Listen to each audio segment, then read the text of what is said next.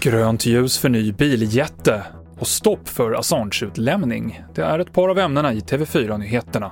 Och vi börjar med explosionen utanför Säve på Hisingen nu på eftermiddagen. Den man i 45-årsåldern som fick omfattande skador har nu avlidit. Enligt polisen så rör det sig troligen om en olyckshändelse.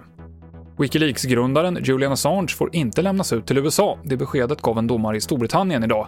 Och det är Assange psykiska hälsa som sätter stopp. Domaren har ju alltså sagt då att Assange riskerar att begå självmord om han skickas till USA och eh, det är ju därför det då enligt domen idag inte blir någon eh, utlämning. Men eh, USAs regering har ju sagt att man kommer att överklaga det här. Det sa TV4s reporter Lisa Grenfors.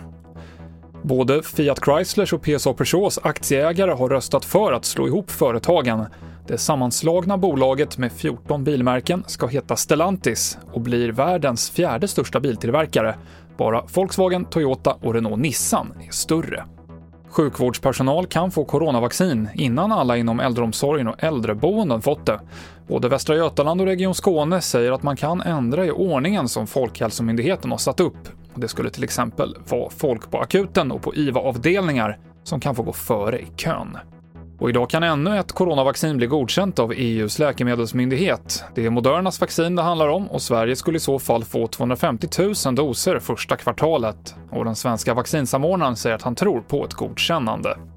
Och i Moskvas tunnelbana så är det nu för första gången på många år även kvinnliga förare. Det här sker efter att man ändrat en lag som stängde kvinnor ute från hundratals yrken som ansågs vara farliga för hälsan eller för fysiskt ansträngande.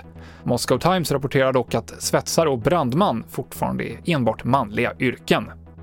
TV4-nyheterna med Mikael Klintevall.